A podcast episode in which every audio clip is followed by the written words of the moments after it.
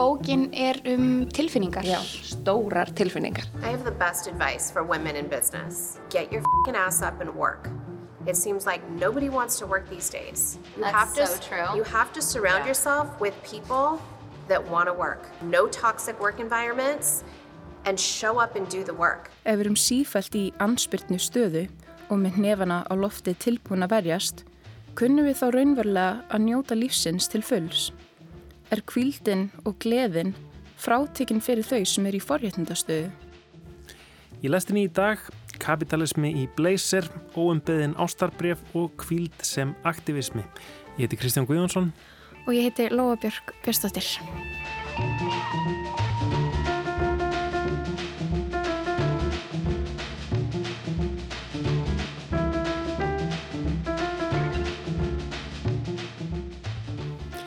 Jæja Lóa, ég er búin að sjá á skjáin hér í dag að þú ert búin að liggja yfir eh, fréttum úr svona viðskiptarlífinu í dag.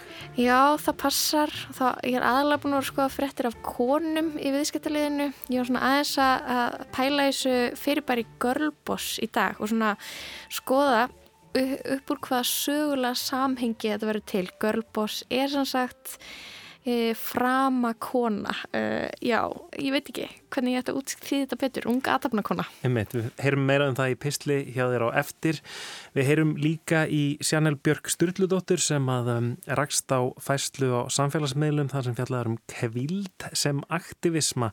Henni fannst þetta undarlegt, þetta er svona algjör andstaða við það sem við tengjum almennt við pólitískar aðgerðir en hugmyndin hefur setið í henni og í pistli í dag veltir Sjanel fyrir sér gleði og kvild í baráttu gegn rasisma. Já og svo heyrum við um bókina Óumbeðin ástarbref sem kemur út á morgun. Þetta er sapn ljóða um ástina eftir fimm konur en byrtast nafnlaust. Höfundar bókarinnar eru spunahópur sem kalla sig eldklárar og eftirsóttar. Við ætlum að ræða við tvo meðlemi hópsins. En við ætlum að byrja á framakonum. Fyrirsögn. Mákonur munu stýra samtökum atvinnulífsins í haust. Það er talað um sögulega ráðningu. Sigriður Margret Ottsdóttir var á dögunum ráðin framkvæmda stjóri samtaka atvinnulífsins. Söguleg ráðning vegna þess að þetta er í fyrsta skipti sem kona sinnir þessu starfi. Líka söguleg vegna þess að aðstofar framkvæmdastjórin er mákona Sigriðar, Anna Hrefna Ingimundadóttir. Haldur Benjamin með úpnahárið saði starfi sinu lausu í mars en Sigriður Margret er með ljóst slett hár. Hún er kona.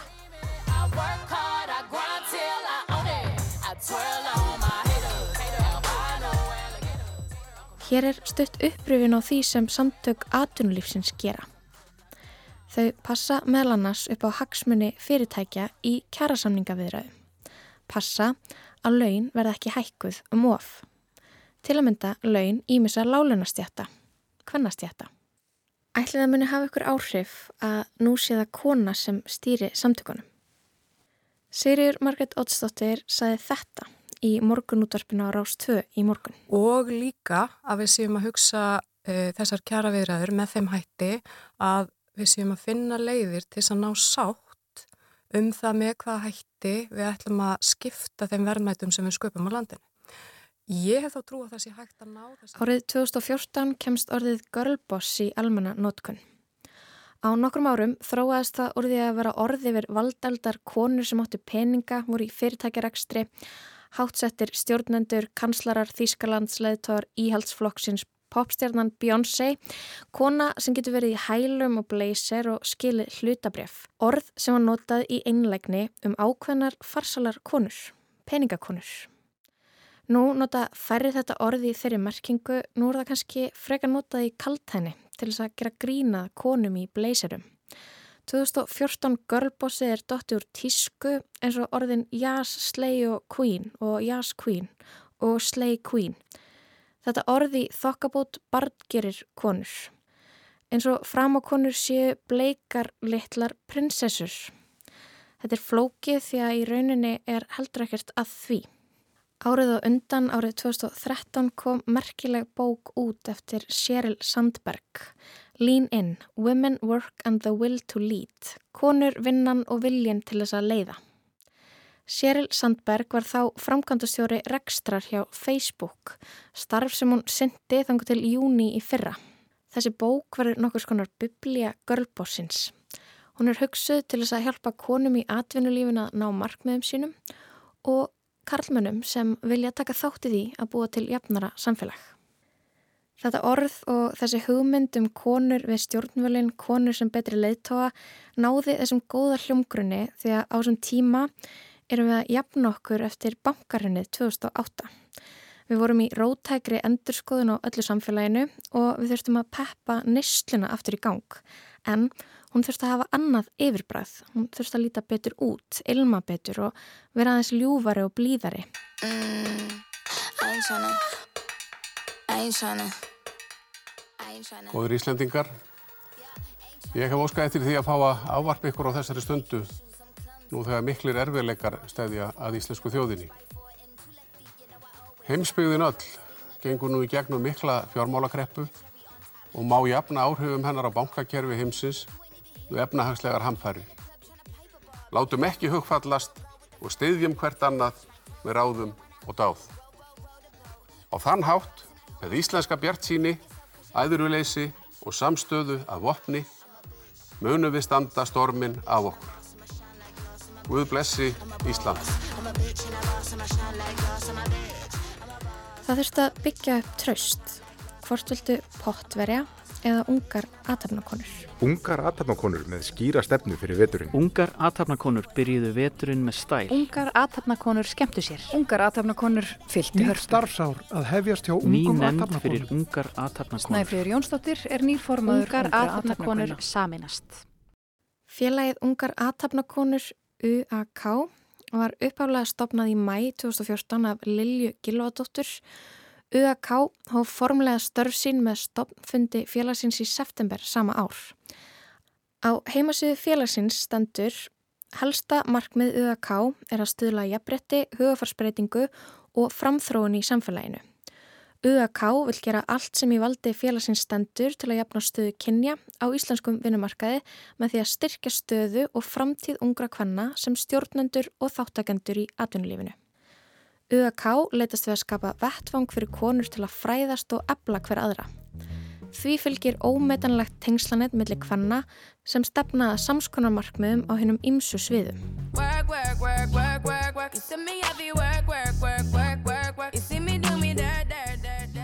Félag stopnað árið 2014 á sama tíma og orðið girlboss kemst í almenna nótkunn. Ungar aðtapnakonur, er það ekki ágætis þýðing á orðinu girlboss? Það voru vondu kallarnir í jakkafutunum sem leitt okkur inn í hrunið. Það var orðið öllum ljóst. Og nú var komið að konunum að leiða okkur inn í næstu efnahags uppsveiflu, næstu útrás. Það var orðræðan. Ég er ekki að skálda. Það var mikið talað um að jafna hlutfalli millir kynja í stjórnum fyrirtækja, sérfræðingar ringdu í tölur um fjölda kvenkins framkvæmdastjóra. Þar voru of fáar. Það var vandamálið. Auður Kapital var til inn á Íslandi, reyndar sett á fót árið 2007. Halla Tómasdóttir og Kristín Pétursdóttir voru stopnendur og það var í meiriluta eigu þeirra, starfsmanna og annara aðtapnakvenna. Það átt að bjarga okkur eftir hrunið. Auður Kapital var vonar stjarnar. Árið 2014 kemur út plata Beyoncé, Beyoncé, þar sem hún samplar nýgeríska reytöfundin og feministan Chimamanda Ngozi Adichie. We teach girls to shrink themselves, to make themselves smaller. We say to girls, you can have ambition, but not too much. You should aim to be successful, but not too successful, otherwise, you will threaten the man. Because I am female, I am expected to aspire to marriage. I'm expected to make my life choices, always keeping in mind that marriage is the most important. A marriage can be a source of joy and love and mutual support. But why do we teach girls to aspire to marriage and we don't teach boys the same? We raise girls to see each other as competitors, not for jobs or for accomplishments, which I think can be a good thing, but for the attention of men. We teach girls that they cannot be sexual beings in the way that boys are. Feminist, a person who believes in the social, political, and economic equality of the sexes. You wake up, Þetta er soundtrackið undir stemminguna í samfélaginu. Á sama tíma standa yfir réttarhöld yfir útrásarvíkingunum jakkafattaklættu, Þóra Arnarsdóttir og Halla Tómasdóttir hugleitu fórsetaframbóð við vildum að konur tækju við, tækju til eftir partíið. Konur myndu aldrei vera svona kærulisar, konur eru skinsamar, þær eru ekki kvatastýrðar eins og karlmenn, þær eru ekki með upplásun ego, þær myndu aldrei valda bankarhunni. Þær passa upp á peningana þína eins og húsmaður í hagkaupsloppum sem stoppa í götin og gera kjötsúpu og fiskibólur og kunna að spara. Við opnum fyrir flóðgátt af konum í bleysirum og þó að stemmingin sé önnur núna, þó að enginn sé að hugsa um þetta bankarhund lengur, þá lifir orðræðan ágætu lífi. Konur eru konum bestars. I have the best advice for women in business. Get your fing ass up and work. It seems like nobody wants to work these days. You That's have to so true. you have to surround Yeah. yourself with people that want to work. No toxic work environments and show up and do the work. Hanna Byrna Viljámsdóttir, Þórdís Kolbrún, Reykjörð Gilvadóttir, Fortuna Invest, Exempla, Etc, Blazer, Áslöðarna, Sjóðstýra, Feminisk fjármál, Ungar, Atafnakonur. Við opnum fyrir flóðgátt af konum í Blazerum sem segja okkur að vinna. Það flækist enn fyrir okkur hvernig við höfum að tala um þessar konur, eins og það flækist fyrir okkur að tala um konur yfir höfuð. Það væri til dæmis betra ef fórsetisráþara Finnlands hefði ekki djammað með vinkonum sínum. Af hverju getur hún ekki bara verið lélega að dansa eins og Theresa May? Það er of stelpulegt að dansa vel. Þegar ráðherra sjálfstæðisflokksins Áslögu Arna Sigurbjörnsdóttir fær útreið í fjölmjölum þá tölum við um að það sé óvægið vegna þess að hún er kona. Og það er alltaf eitthvað til í því. En býðum aðeins. Þegar feminismi sem er yfirheiti yfir ymsar hugmyndafræðilegar stefnur sem byggjast þó allar á hugmyndinni um að jafnrétti kynjana væri æskilegt þegar við veljum okkur nokkur slagorð en sleppum öllu hinnu sem flækir þetta allt hvernig það er innbyggt óréttlæti í kapitalísku hagkerfi, hvernig nýlendustefnan og arðrán og ofbeldi og ofbeldi gegn konum er allt grunnurinn að þessu, hvað sitjum við eftir með? Hver er hugmyndafræði girlbossins? Er það girlbosslegt að vísa óleitum konum úr landi? Er það girlbosslegt að vera með mjög há laun en ekki borga öðrum konum mannsamandi laun? Og megum við ekki gaggrina stjórnunarhætti hvenna í valdastöðum út af því að þær eru konur og það er mikilvægt að konur stjórni líka. Ég myndi aldrei væna Margaret Thatcher um tvískinung því að ég veit ekki til þess að hún hafi nokkur tíma nota rauk feminista til að fleita sér áfram. Hún baði ekki um atkvæði vegna þess að hún var kona, það skipta hann engu máli.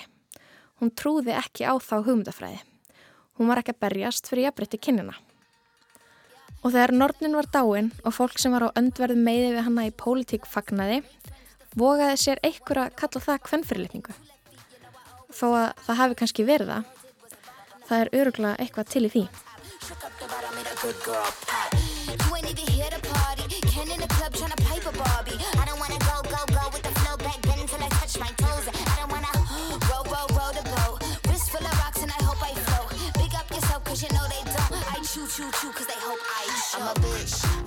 Boss. I'm a bitch and a boss, I'ma shine like gloss. I'm a bitch, I'm a boss. I'm a bitch and a boss, I'ma shine like gloss. I'm a bitch, I'm a boss. I'm a bitch and a boss, I'ma shine like gloss. I'm a bitch, I'm a boss. I'm a bitch and a boss, I'ma shine Said like bitch on the after, you been the before. I've been the stallion, you've been the seahorse. Don't need a report, don't need a press run. All of my bad pics been all my best ones. I wear the hat and I wear the pants. I am advanced, so I get advanced. And I do my dance and cancel the plans. Said, boo, don't be mad, cause you had a chance. Yeah, said I took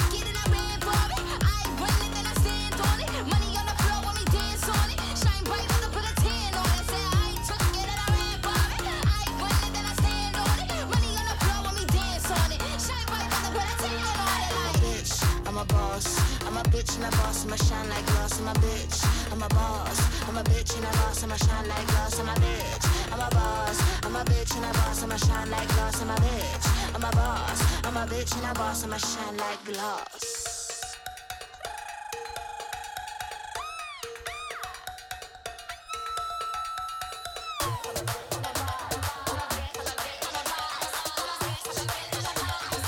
Bitch and a boss, I'ma shine like glass, I'm a bitch. I'm a boss. I'm a bitch and a boss, I'ma shine like glass, I'm a bitch. I'm a boss. I'm a bitch and a boss, I'ma shine like glass, I'm a bitch. I'm a boss. I'm a bitch and a boss, I'ma shine like glass, I'm a bitch. I'm a boss. I'm a bitch and a boss, I'ma shine like glass. Lægið Boss Bitch með henni Doja Cat, þetta var aðal TikTok lægið hérna í COVID, auðvist margir uh, sem að muna eftir í þaðan, en uh, fast að viðendi svona uh, við þetta umræðefni, Girlboss. Mér minnir að síðast ef við höfum spilað þetta lag í lestinni þá hefur við eitthvað verið að, velta upp í þýðingum, íslenskum þýðingum á titlinum og það var já, allt brjálað á netinu. Já, það var ekki vinsalt, við skulum ekki reyna að þýða þennan titil aftur. En við ætlum að snú okkur að öðru. Á morgun kemur út ljóðabók sem nefnist Óumbeðin Ástarbref og er eftir fimm konur. Hóp sem að kalla sig eldklárar og eftirsóttar. Telmar Hönn Sigurdórsdóttir kíkti á hótel í miðborg Reykjavíkur í dag og rætti þar við tvo meðlimi hópsins. Það er Laufeyju Haraldsdóttir og Gunnlauðu Jónu Rúnarsdóttir og fekk þær til að lesa upp úr bókinni Óumbeðin Ástarbref. Bókin er um tilfinningar. Já, stórar tilfinningar.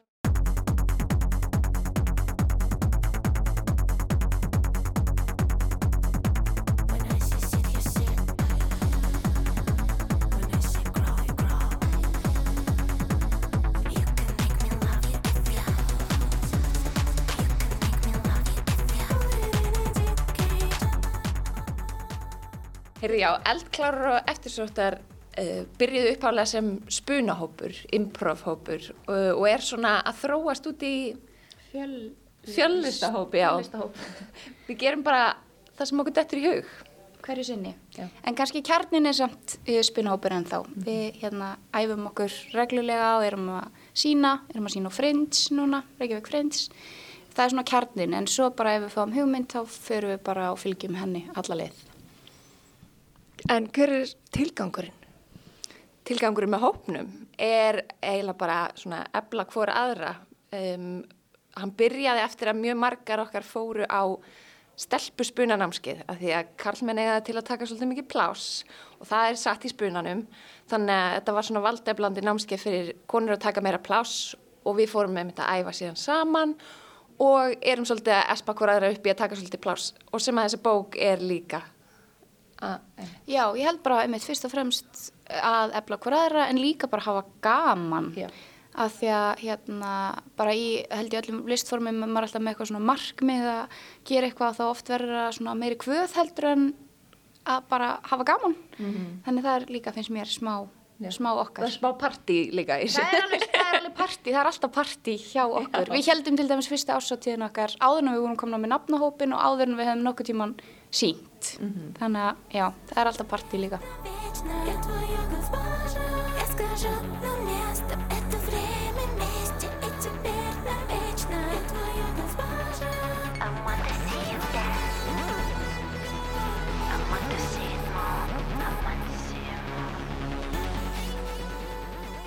Okkur finnst við ekkert endilega verið að gera eitthvað sem aldrei hefur verið gert áður en kannski eitthvað sem við höfum sjálfur ekki gert áður. Já, ég held að það sé eiginlega svona smá, bara við höfum ekki gert það. Við höfum oft talað um það bara eitthvað svona, já, ég hef aldrei verið í hóp sem er tilbúin að gera þetta. Ég hef aldrei verið í hóp sem að vinnur svona saman. Eh, En algjörlega við höfum fullt af fyrirmyndum bara í tónlist og spuna og leikhúsi, myndlist, alls konar, sko. Nú er, nú eru það að fara að gefa út bók sem heitir Óumbeðin ástabref. eh, fyrir að fyrsta, hvaðan kom þessu hugmynd? Í hópspjallin okkar, Já, ég. held eða, já, það var, það man engin nákvæmlega hvaðan hugmyndin kom en hún kom alltaf upp aftur og aftur, sko. Já, við erum sko með rosa mikið hugmyndum um rosa margt. Og að því að við erum líka svolítið blandaður hópur, við erum með nokkra leikunur, ég er ljósmyndari, við erum með rítumund, lögfræðing, nú er ég alveg ofugsa, erum við að gleyma einhverju, en hérna þannig við erum með rosa ólíkan bakgrunn, þannig að þá erum við líka svo mikið eitthvað svona, ú já, emmi, þú ert rítumundur, við getum kannski sem hópur gert bók og við getum verið með myndlistasýningu samhliða því og hérna, þannig að það er alltaf rosa margar hugmyndir í gangi en þessi mitt kom aftur og aftur og var eitthvað svona sem meikaði bara sens fyrir hópin. Við tölum rosa mikið um ástarmál inn á um hópspjallinu og við erum með mörg hópspjall mismunandi eftir hver er í sambandi og hver er ekki og alls konar. Þannig að það var bara eitthvað svona, já, sem svona kom aftur og aftur og við bara hugsaðum af hverju ekki að gera bók. E, myndur þú segja að þið hafið ólíka, hvað, sín á ástinni? Já, sko ekki við tvær persónulega. Við tvær erum, við tvær erum uh, á svipuðum stað. Já, já, já. Uh, en jú, við náttúrulega erum einmitt allar á mismundi stað, sumar, ha- hafa mikið verið á lausu, sumar eru búin að vera í löngum, löngum samböndum, sumar eru giftar Sumar eru. Einmitt. Þannig að bara að því við erum ólíka manneskjur þá erum við ólíka sína á ástinni, en líka það eru svona snertiflitir það sem að, veist, eins og ef einhver myndi lesa bókinu og ekki vita að það eru fimm konur sem að skrifa hana, þá kannski, þú veist, gæti alveg trúa því að þetta væri upplegaðinu sömu mannesku að því að einmitt þemun kom upp aftur og aftur að því að Já, einmitt, að því að ég held að við deilum öll svipum reynslu heimi svona þegar kemur ástinni, þú veist, við flest höfum einhvern tíman orðin ástfangin, einhvern tíman orðin fyrir vonbröðum, einhvern tíman lendi ástarsorg e, og líka sko að því að bókin er, e, að því að þetta er sem sagt bref sem við erum að skrifa til ákveðna aðila og sum eru skrifið til einhverja sem við vorum með eða skátnar í þegar við vorum 15 ára til dæmis. Og sumt er eitthvað sem gerðist fyrir mánuði eða sagt, þegar við skrifum það. Og sumt einmitt um löngsambönd og sumt um einhvern sem þú sást einhver staðar, einhver tíman og þú veist fjálst fyrir. Þannig að þetta er líka rosa svona frá hverju og einni líka rosa bland, blönduð svona blandaðar nálganir í rauninni. I like lipstick on my neck. You let me know I'm your number one select. I like lipstick on my neck. Hands around my waist so you know what's coming next. I wanna feel your lips on mine. I just wanna feel a little tongue. We don't have a long time. Og bókin verður gefin út núna bara 15. júni og með stóru, stóru partí hér á Marína, eða ekki? Jú, alltaf partí Alltaf partí á okkur. Jú. Og svo ætlum við líka að vera hérna s- eitthvað 17. júni ef að fólk vil frekar koma og sækja bækur þá. Eh, og að því að það er sagt, líka uppi þessar fallegu ljósmyndir eftir sagt, Gunnlaug sem er ljósmyndari tók myndir af okkur öllum og svo eru þetta sem sagt, textabrót úr bókinni ofan á rosalega súmuðum pörtum af myndunum sem að vera svona, mjög, og þetta er mjög fallegt hjá þér Gunnlaug. Takk fyrir, takk. Já, við erum þess að það verður síning og hún verður uppi alveg í mánuð til 15. júli. Uh, já, en þetta er svona einsetning, útgáfa, bók og svo morgun náttúrulega á opnininni verðum við með smá atriði líka. Við erum svona að reyna að tróða öllu sem við getum, kannski verið sunnum í lögfræði aðstáð. Sannkallega fjöllistahópur. Já. We can you know what's coming next. We can make a movie, I can write it. Let's just make a move, baby. Cause for your love, I'll take my time. Just wanna feel your hips on mine. I really got a thing for my lipstick lover, lover, lover. Já, þetta er ljóðið Rauðvín úr bókinni Óumbeðin ástarbref eftir eldklárar og eftirsóttar. Ég drekk ekki rauðvín, en þegar þú réttir mér litla græna flösku, tók ég sopa. Ég verð ekki skotin í stelpum, en þegar þú hallaðir þér að mér, langaði mig að kissa þig. Mér langaði að dansa við þig heila nótt, hlusta á þig kvísla að mér orðum með þykkum hreim. Mér langaði að þú legðir varirnar að enninu á mér, tegðir á þér kjálkan eins og pítónslanga, gleiftir mig. Rauðvinslitaðar tennur þínar næmu staðar eitt augna bleik svo þú getur sleikt skiptinguna í hársverðinum á mér. Svo myndir þú mölva hauskúpuna, sporðrana mér og skóla mér niður með rauðvinni. Þú átt núna mann og barn, gerir ekkert skapandi, ert alltaf í útivist. Þú virðist alveg hamingjusum en ættir að vera heimsfræg listakona sem gleipir fólk eins og mig í einum bita. I really got a thing for my lipstick lover, lover, lover, lover, lover. I do anything for my lipstick lover, lover, lover, lover, lover. I really got a thing for my lipstick lover, lover, lover, lover, lover. Leið 13. Í daglegri stöðurukeppni í strætó nr. 13 fjalli fyrir þér fyrst. Dularfullur, fallegur, ljúflegur. 13 ár liðu, ég kynntist þér. Opin sem bók, fallegur í nálægð, ljúfur sem lamp. Dagleg skilaboð, daglegar fullnægingar, dagleg hlátusköst. Ég varð ástfangin af þér jafn hratt og það tekur leið 13 að fara frá hlemmi að MH. Við tókum samtal því þú býrði í öðru landi, nýkominn úr laungu sambandi. Saðist vilja geima mig þar til þú væri tilbúin, en í rauninni varst þú tilbúin í ekkert. Ég var tilbúin í allt. Þú geimdir mig ekki, þú glimdir mér og nú áttu kærustu.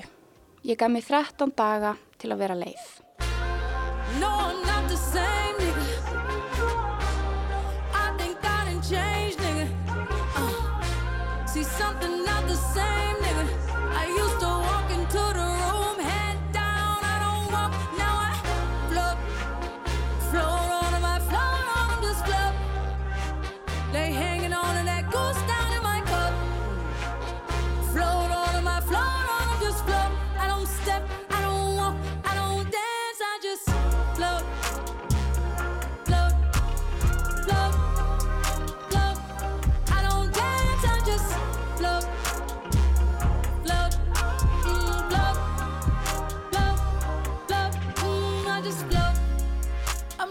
feather, I'm light as a feather, yeah, baby, I float. It's hard to look at my resume and not find a reason to toast. She throwing that thing in a circle, making it viral. I might just elope. Say, listen, lil' mama, you like Shabari? Watch while I show you the ropes. I used to let niggas get to me. I used to be my own enemy. Now I done had several epiphanies over some breakfast at Tiffany's. Had to forgive all my frenemies. They are not who they. I had to protect all my energy. I'm feeling much lighter now. I float, float on I float on 'em, just float. They hanging on to that goose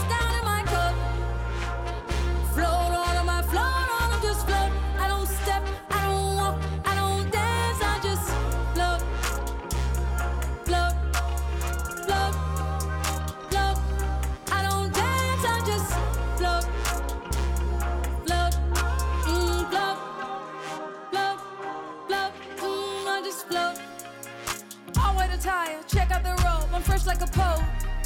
I'm doing my dance on catamarans, and you got a coat.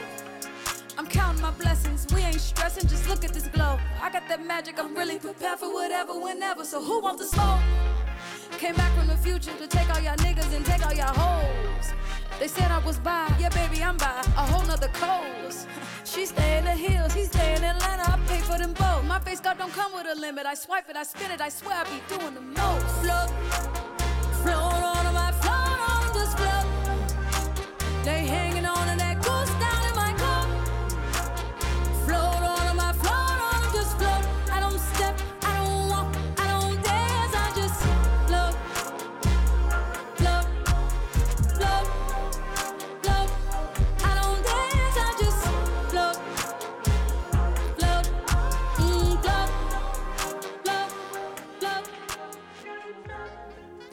Það var Telma Hrönn Sigurdórsdóttir sem að rætti við Laufau Haraldsdóttur og Gunnlauðu Jónu Rúnasdóttur úr spunahópnum Eldklárar og Eftirsóttar sem gef út sína fyrstu ljóðabók á morgun og um beðin ástarbref.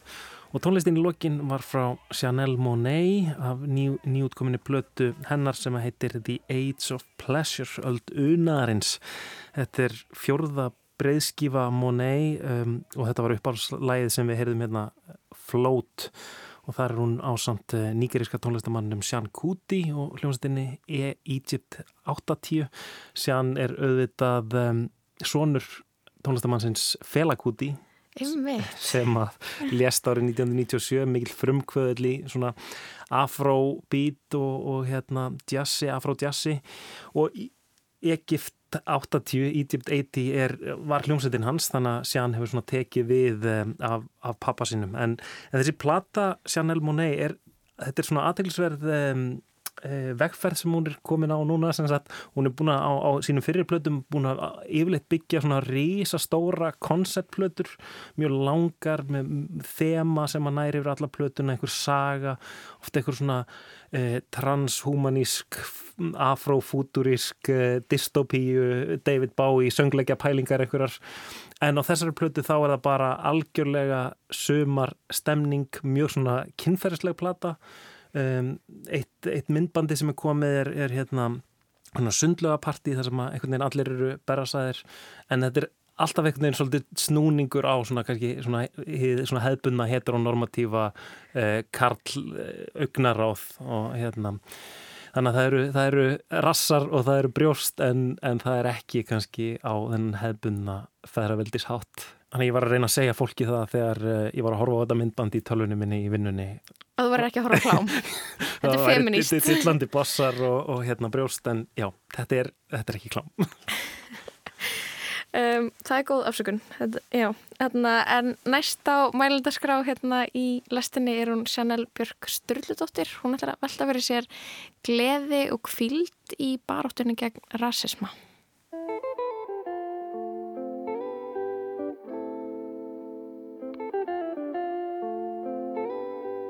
Bring the heat clamsy Fyrir einhverjum árum síðan rakst ég á færslu á Instagram sem var þetta hefðbundna samfélagsmiðla fræðslefni. Litrika glæru sem voru þakktar texta og nokkru myndir eða teikningar sem fylgdi með. Ég hef ekki fundið færsluna aftur en ég gleymi aldrei efnistökunum.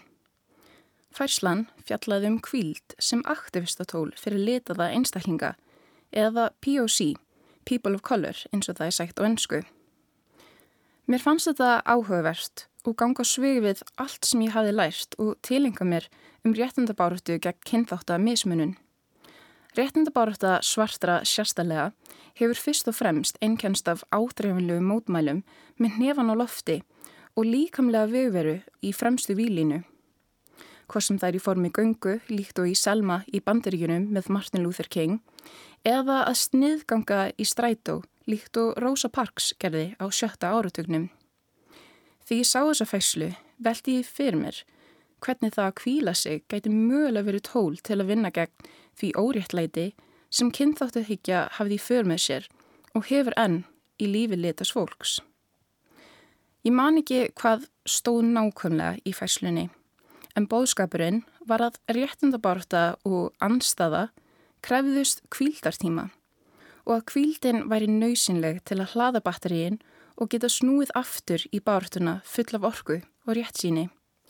Þetta snerti mig og ég ákvaða tilenga mér þetta að einhver leiti.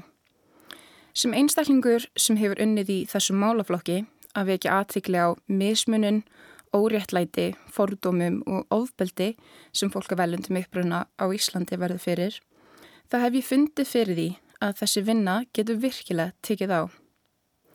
Þau sem hafa einni tekið þátt í að vekja aðtikli á þessu málaflokki þekkja það eftir vill að baróttan krefst þess að maður gefi mikið af sér. Hvað sem það er í formi ókipis vinnuafls, því peningur og laun skipta mann í raun engum máli þegar maður er að berjast fyrir eigin tilvist, eða í formi þess að berskjelda sig og deila með öðrum óréttlætinu og mismunni sem maður hefur þurft að sætta. Þessi berskjöldun er í raun eins og að rýfa upp gömul sár sem fá þá aldrei tækifæri til þess að gróa. Það er í rauninni þess vegna sem kvíldin er svo mikilvæg til að leifa þessum sárum að gróa.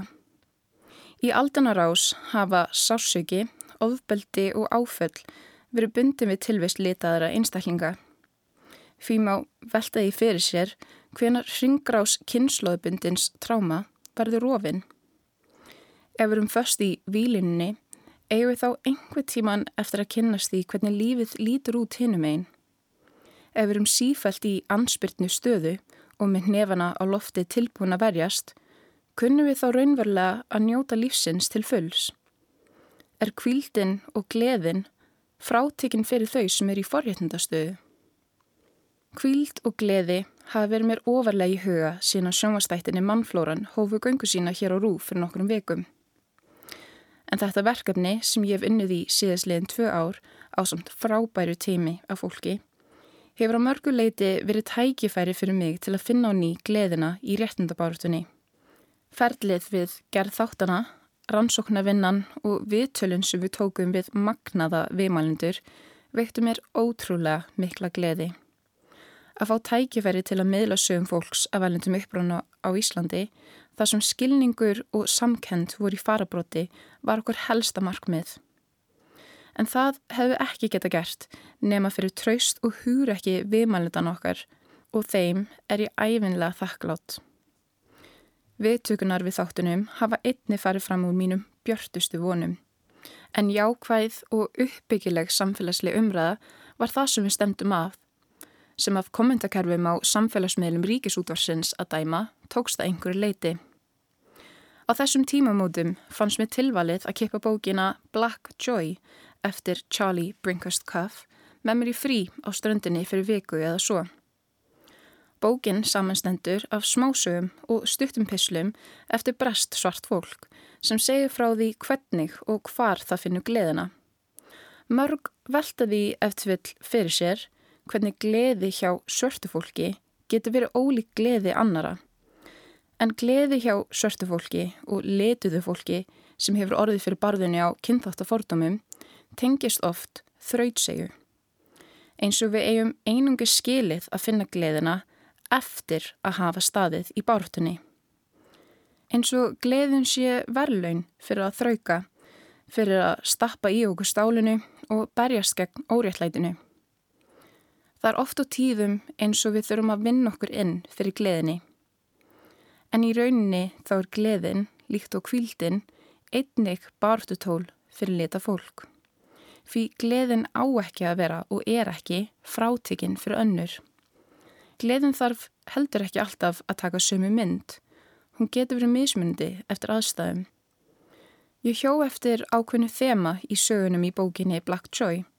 Þar sem höfundarnir lísnumarkir gleðinni sem þið fundu í því að deila stundum með öðru fólki af sama eða sveipuðum uppruna og þau sjálf. Húmorinn sem skapast þegar þú ert í rými með mannesku sem hefur gengið í gegnum sama óréttlætið eða sveipaður upplifanir og þú sjálf. Það er nefnilega svo mikil fegurð og styrkur í því að geta hleyið að þessum aðstæðum með öðrum eða ránkvöld augunum og fundi fyrir skilningi. Á þessum augnablikum finnum að fyrir því að þú og þessi manneskja deilið einhverju. Þið deilið einhverju sem enginn getur tekið frá ykkur. Þetta fann ég fyrir við gerð mannflórunar og vona að það skilir sér heim í stofu, sérstælega til áhórundana sem eru einnig af velundum uppbruna. Fyrir mér er Black Joy og gleðum við það að vera af velundum uppbruna á Íslandi að finna sitt samfélag og umkringja sér fólki sem skilur og tengir við sársökan og óþægindin sem fylgja þessari tilvist. Það er líka húmorinn sem skapast þegar tárin eru of erfið. Það er augnaráðið sem fólk deilir sem engin annað skilur. Það voru svo mörg móment af þessari gleði við gerð mannflórunar og það er fyrir mér það sem stendur upp úr. En gleðin við það að vera af erlundum uppbrunna á Íslandi er líka að finna fólk sem lendir mögulega ekki á sumu hindrunum og marg sjálfur en stendur við bakið á manni og stiður mann alla leið. Þessi gleði er einnig að finna fyrir vilja annara til að skilja, til að breyta aðstæðum og læra að gera betur. Fyrir mér þá er gleðin að finna fyrir því að við séum að færast nær samfélagi þar sem fjölmenningunni er gert hátt undir höfði. Gleðin er að heyra fólk tala sín á milli á ólíkum tungumálum í sundi, pólsku eða arabísku til dæmis. Gleðin er að heyra fregnir af innflytendum sem hafa hlotið viðkenningar, stopna fyrirtæki og er að riðja brautina fyrir komandi kynnslóðir. Gleðin er að sjá ungt fólk af velundum uppröna ná árangri á sínum sviðum, líkt og leikhópurinn Elefant með sína tíu tilnefningar til grímuveluna fyrir Íslandsklukuna. Gleðin er að sjá listaverk eftir fólk af velundum uppruna sem fer ótróna slóðir með nýjum nálgunum sem fagna þeirra eigin tilvist en augra samfélagslegum hugmyndum líkt og útskriftaverk Lóa Petru úr listáskólinum. Ég gæti haldið endalaust áfram en í grunninn þá er gleðin fyrir mér eitt helsta bártutól fólksafælendum uppbruna á Íslandi. Því eins og kvíldin þá þurfum við ekki að vinna okkur inn fyrir henni eða sann okkur. Við eigum öll rétt á að finna gleðina. Oh baby girl, say what up? Uh. Saw you at the corner, baby, oh damn. Uh. The way you move that ten with caution. Uh. Oh gonna felly felly, baby, oh damn. Uh. Way. And designer, wear designer, put on vagina, yo. The way you dance, uh, wear designer, fight or diner, yo. Girl, you back. Body too much. Body oh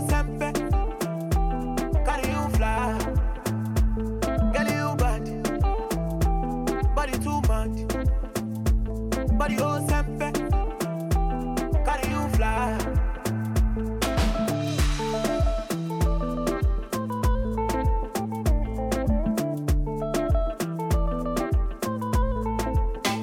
Safina get, but we go make a man grow. Safina get, but we go make a man shake. You make a man go, make a man psycho. Your body be like cigar, make a light oh. Girl, you bad,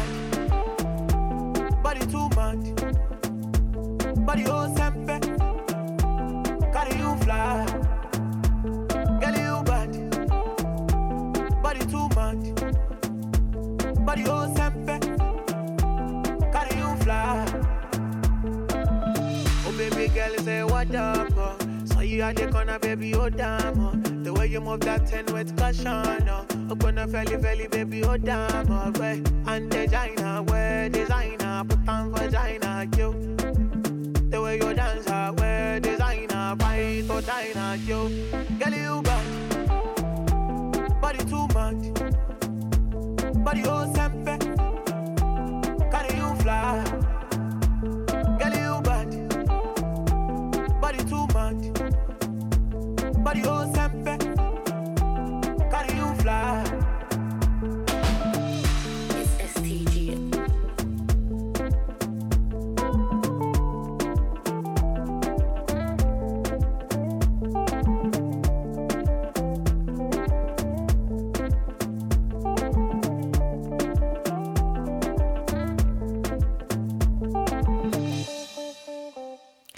Þetta var Chanel Björk Strulludóttir og lagið sem við heyrðum í lokin var lag eh, sem heitir Sempe með nýgeriska tónlistamannum L-A-X L-A-X lag, Lax. Lax. lag frá árunum 2020 af plötu sem heitir Sasa Vibes Svolítið nýgerja hjá okkur í dag, uh, Sjan Kuti áðan og, og núna LAX. En já, um, sko, Lóa, á förstu dag síðasta þá byrjaði nýr þáttur hérna á rás 1. Ég kannast eitthvað við það Þáttur sem að heitir Lagaflækjur sem að uh, við komum bæði að, að stýra. Einmitt, já, ég sé um næsta þátt Já. Þetta er svona eins og eitthvað bóðhlaup sem við erum í Þú byrjaðir Já, Eh, en þetta eru þættir sem að eru öruglega margir uh, hlustendur lestarinnar gætu haft áhuga á. Þetta eru þ- þættir þar sem við fáum þrjá gesti til okkar um, og búum til það sem við kallum lagaflækju. Við erum að búa til eiginlega svona playlista, spilunarlista yfir allt sömarið. Um, við fáum þrjá gesti, hver og einn kemur með eitt lag, en lagið uh, leiðir af laginu og undan. Já, gestinir eiga að velja lag út frá laginu og undan á playlistanum. Þetta er svona eins og einhver partileikur og þetta er allt eiginlega fólk úr tónlistarlífinu. Það eru gestinir okkar. Já, þannig að þetta er fólk sem hefur, hefur vit og þekkingu og tilfinningu og um, ástríðu fyrir tónlist. Og getur eh, talað lengi um tónlist Já. og farið djúft. fundið skrítnar tengingar. Mhm. um, í fyrsta þættinum sem var núna síðasta föstu dag og er aðgengilegur í spilararúf um, þá fekk ég til mín Ívar Pétur Kjartansson, plötusnúð og trommuleikara úr FM Belfast. Ragnhjóður Gröndal, uh, jazzsöngkona kom líka og Edda Erlendstóttir uh, sem er píjánuleikari. Þau komu og, og uh, völdu öll lög út frá lægi sem ég byrjaði um, spilunarlistan á. Við langar að spila bara smá brot úr þessum síðasta þætti um, sem að var núna síðasta föstudag. Þarna erum við að tala um lægið Be My Baby með Mario Carey.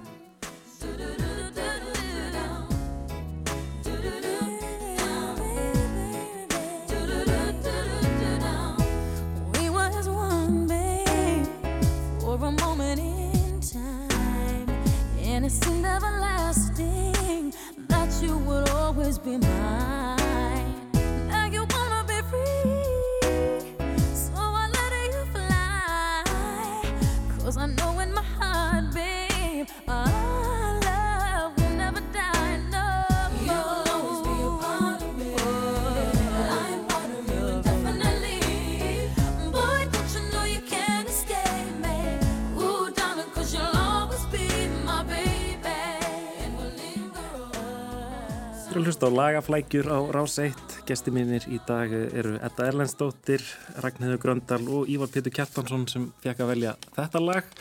Já, út frá West Side Story eh, söngnum um Marju, já það segir sér kannski sjálft að það er bara nafnið Marja sem, sem að tengir þessi tvö lag saman. Já, það er svona langa augljósasta tenging, tengingin, hlustum á hérna Maríu úr West Side Story og eins og ég sagði hérna fyrir lagið, ég gerði mitt besta til að velja eitthvað annað lag og komin í alls konar pælingar en hérna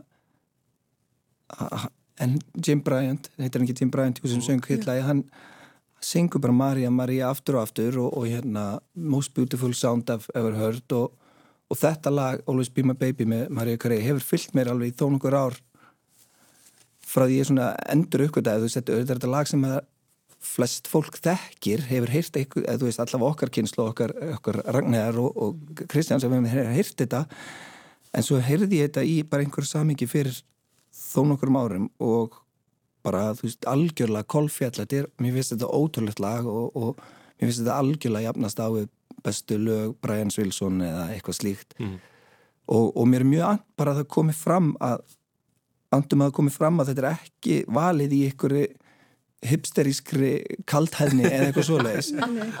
Og ég veit ekki hvort ég þurfa það og það er kannski segja líka mikið að mér finnist ég þurfa að taka fram en, en þetta er Ein, einlegur pop áhugi á, Já. á, á, á góð, góðum Já, og ekkert einu sinni poppa á að, því að tónlist er bara tónlist. Mm. og hérna og, og maður bara heyr tónlist sem maður fílar eða ekki. Og ég hef aldrei, þú veist, ég hlusta á rosa og við öllu eflaust, þú veist, ég hlusta alveg rosalega experimental tónlist yfir í alls konar hardcore yfir í mm, ó, hérna, melodíska danstónlist yfir í þetta, þú veist, og og innan allra gera eru tónlist sem maður fílar og svo tónlist sem maður ekki fílar Já, já, einmitt. en þetta lag bara algjörlega greip mig sko. Hva, hvað, hvað er það við þetta lag sem að, sem að höfðar svona stert til þín? mm, loft, það er erfitt að segja þú veist, en en, þetta er bara svo, bara svo gott lag þú veist, ég fæ bara gæsa, það er hann þetta gítarintro og svo kemur hann inn í bara þessi hljómagangur er bara aðeinslegur og ég svona kannski búin að komast að í setni tíða, ég hallast að svona ofta að einhvers konar svona semi-melankóliskari tónlist eins og þetta lag er. Þetta er náttúrulega svona veist, þetta er, er R&B pop en þetta er samt ekki, þú veist, þetta fer ekki alla leið í einhvers konar TLC Destiny's Child svona klúpa R&B þú veist, það er melankóli í þessu sko Algjörlega, ég meina, ég, ég var aðeins að fara við textan og þetta er einhvern veginn virðist vera einhverjir elskendur sem að eru farnir í sundur frá hverjum öðrum og en, Mm. en hérna, en eiga einhvern veginn alltaf stað í Mm. hjarta eitthvað sannast og það er Mm. einhvern veginn svona verið að vera að hampa þeirri fegur að, að, að vera alltaf hluti af einhverjum öðrum Mm. sem að maður hefur átt þetta kannski augnablik með, sko. algjörlega og það er náttúrulega enn en einn tengingin við Mari úr, úr Side Story að þetta er náttúrulega bara svona epíst ástralag og einmitt og hún er held ég að syngja um þú veist að hérna hvað sem hefur gerst og hvað sem gerist að þá, þá verður alltaf elskan mín sko, you will always be my baby. Tekstin er mjög fallegur, já. Já. Hvernig slæri ykkur að hlusta á þetta lag hérna í, í þessum græjum hérna í, í hljóðurinu með 12 röddinn alltaf mögnuð Ég er náttúrulega bara að dyrka þetta lag og ég bara þegar þú sendir mér þetta að Ívar hefur valið ég bara eitthvað, ha? Wow, betur þetta er maður mín skaf en það er einmitt sko Já, alveg, yes. Það ætti náttúrulega samt ekki að vera þannig að það kæmi óvart að hérna að 36 kallmaður myndi velja vel þetta. sko. Nei, að sjálfsög en ég skil, ég skil samt En þú veist, ég kem út úr þessu að við erum úlingar og Mhm. mína vinkonu náttúrulega bara við gerðum ekki annað en að hlusta á þetta. Þetta er plata sem kemur út þarna 95 og ég man ég átt þessa plötu og Mhm. alveg hérna hlusta á hann út í eitt. Day, Daydream Já. Daydream, já. Og hérna þá var einmitt strákanir alltaf bara oi, þetta er ógeðslegt, þetta er svona píkupop og mm. veist, það var alltaf þessi Mhm. stemning í kringum Já, þetta, og þetta var væri alveg glatað og svona, þannig að ég fer innan hipster, mm. kaltana hipster þegar þetta kemur, af því þetta, þetta verður síðan setna að einhverju svona uh, sakbyttin í sælu Mhm. hjá mér að hlusta á þetta, því að þetta svo bara setur maður þetta í skúfu, sko þú veist, af því að þetta var bara ekki cool. En, en, Hvað segir? Hafðu þú heyrt þetta áður? Sko, nei, ég man ekki eftir að hafa heyrt þetta og ég meina, ég hef ekkert heyrt mikið um Marju, það, það, sko, í Frakland þeir eru aldrei mikið í, í, í sinni pop og lagatónlist, sko, Mhm. þannig að ég fylgist ekki beinlis með en ég þetta að vera mjög flott lag og hvernig hún beitir röddina á svo fjölbreytan hátt og, og það er svo svona, mikið, mikið hljónfall eh, og svona eitthvað mikið svona hvað inn, innra hljónfall og, og, og röddin náttúrulega alveg frábær. Man Mhm. finnur það alveg, hún, hún getur rent sér upp og niður alveg eins og ekkert væri.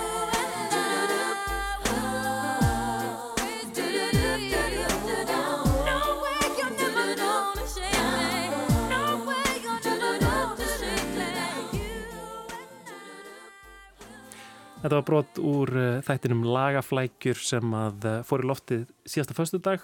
Þú ert með næsta þátt, Lóa. Mhm. Hverjir verða gestir þínir? Hilmar Örn Alsarakoði, Sammi Jaguar og Fríða bassalegarinn í Gróu. Ok, þannig að þetta er allt annars konar fólk Já. heldur en var hjá mér Mhm. sem að vera spennandi og um, já, þau ætla að bregðast við síðasta læginu sem að var í mínum þætti, það var Celine Dion, þannig að ég er mjög spenntur að heyra hvernig um, allsherjargóðin mun bregðast við Celine Dion. Hann fór í ofandagi, átt sko, þú myndir aldrei geta giskað. En lestin verður ekki lengri í dag við Kristján og Lóa verðum með náttúr á sama tíma á morgun. Tæknumæður var Lítiða Gretastóðir. Verið sæl.